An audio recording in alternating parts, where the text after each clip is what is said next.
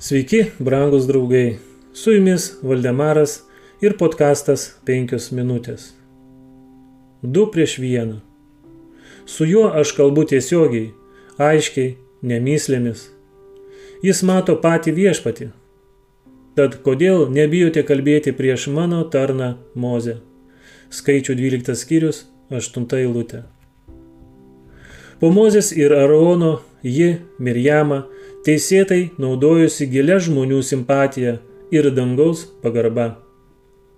Tačiau tas pat blogis, įnešęs nesantaiką danguje, pradėjo aukti ir šios Izraelio moters širdyje, kuriai nebuvo sunku surasti savo nepasitenkinimo vienminčių.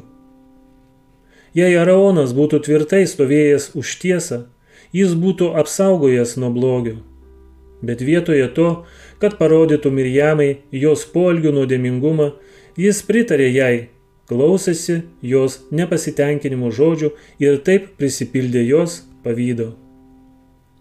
Paskirdamas 70 vyresniųjų, Moze nepasitarė su Mirjama ir Aronu, taip sukeldamas jų pavydą.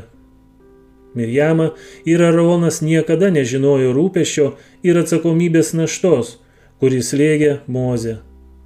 Vien dėl to, kad jie buvo pašaukti jam padėti, jie jautėsi, kad po lygiai dalinosi vadovavimo naštą ir kad tolimesnis padėjėjų paskirimas yra visiškai nereikalingas. Argi viešpas tik per mozę kalbėjo? Argi jis nekalbėjo ir per mus? Galvodami turį vienodą Dievo palankumą, jie jautė, kad tai jiems suteikė teisę į tą pačią vietą ir autoritetą. Dievas pasirinko Mozę ir jam suteikė savo dvasę. Dėl to Araonas su Mirjama savo nusidėjimu tapo kalti nepaklusnumu ne tik jų paskirtam vadovui, bet ir pačiam Dievui.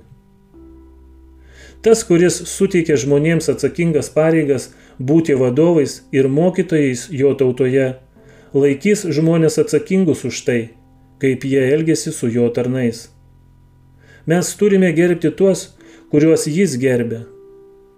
Bausmė, kuri ištiko Mirjamą, turėjo sudrausminti visus, kurie pasiduoda pavydui ir murma prieš tuos, ant kurių Dievas uždeda savo darbo naštą. Su jumis buvo Valdemaras ir podkastas 5 minutės.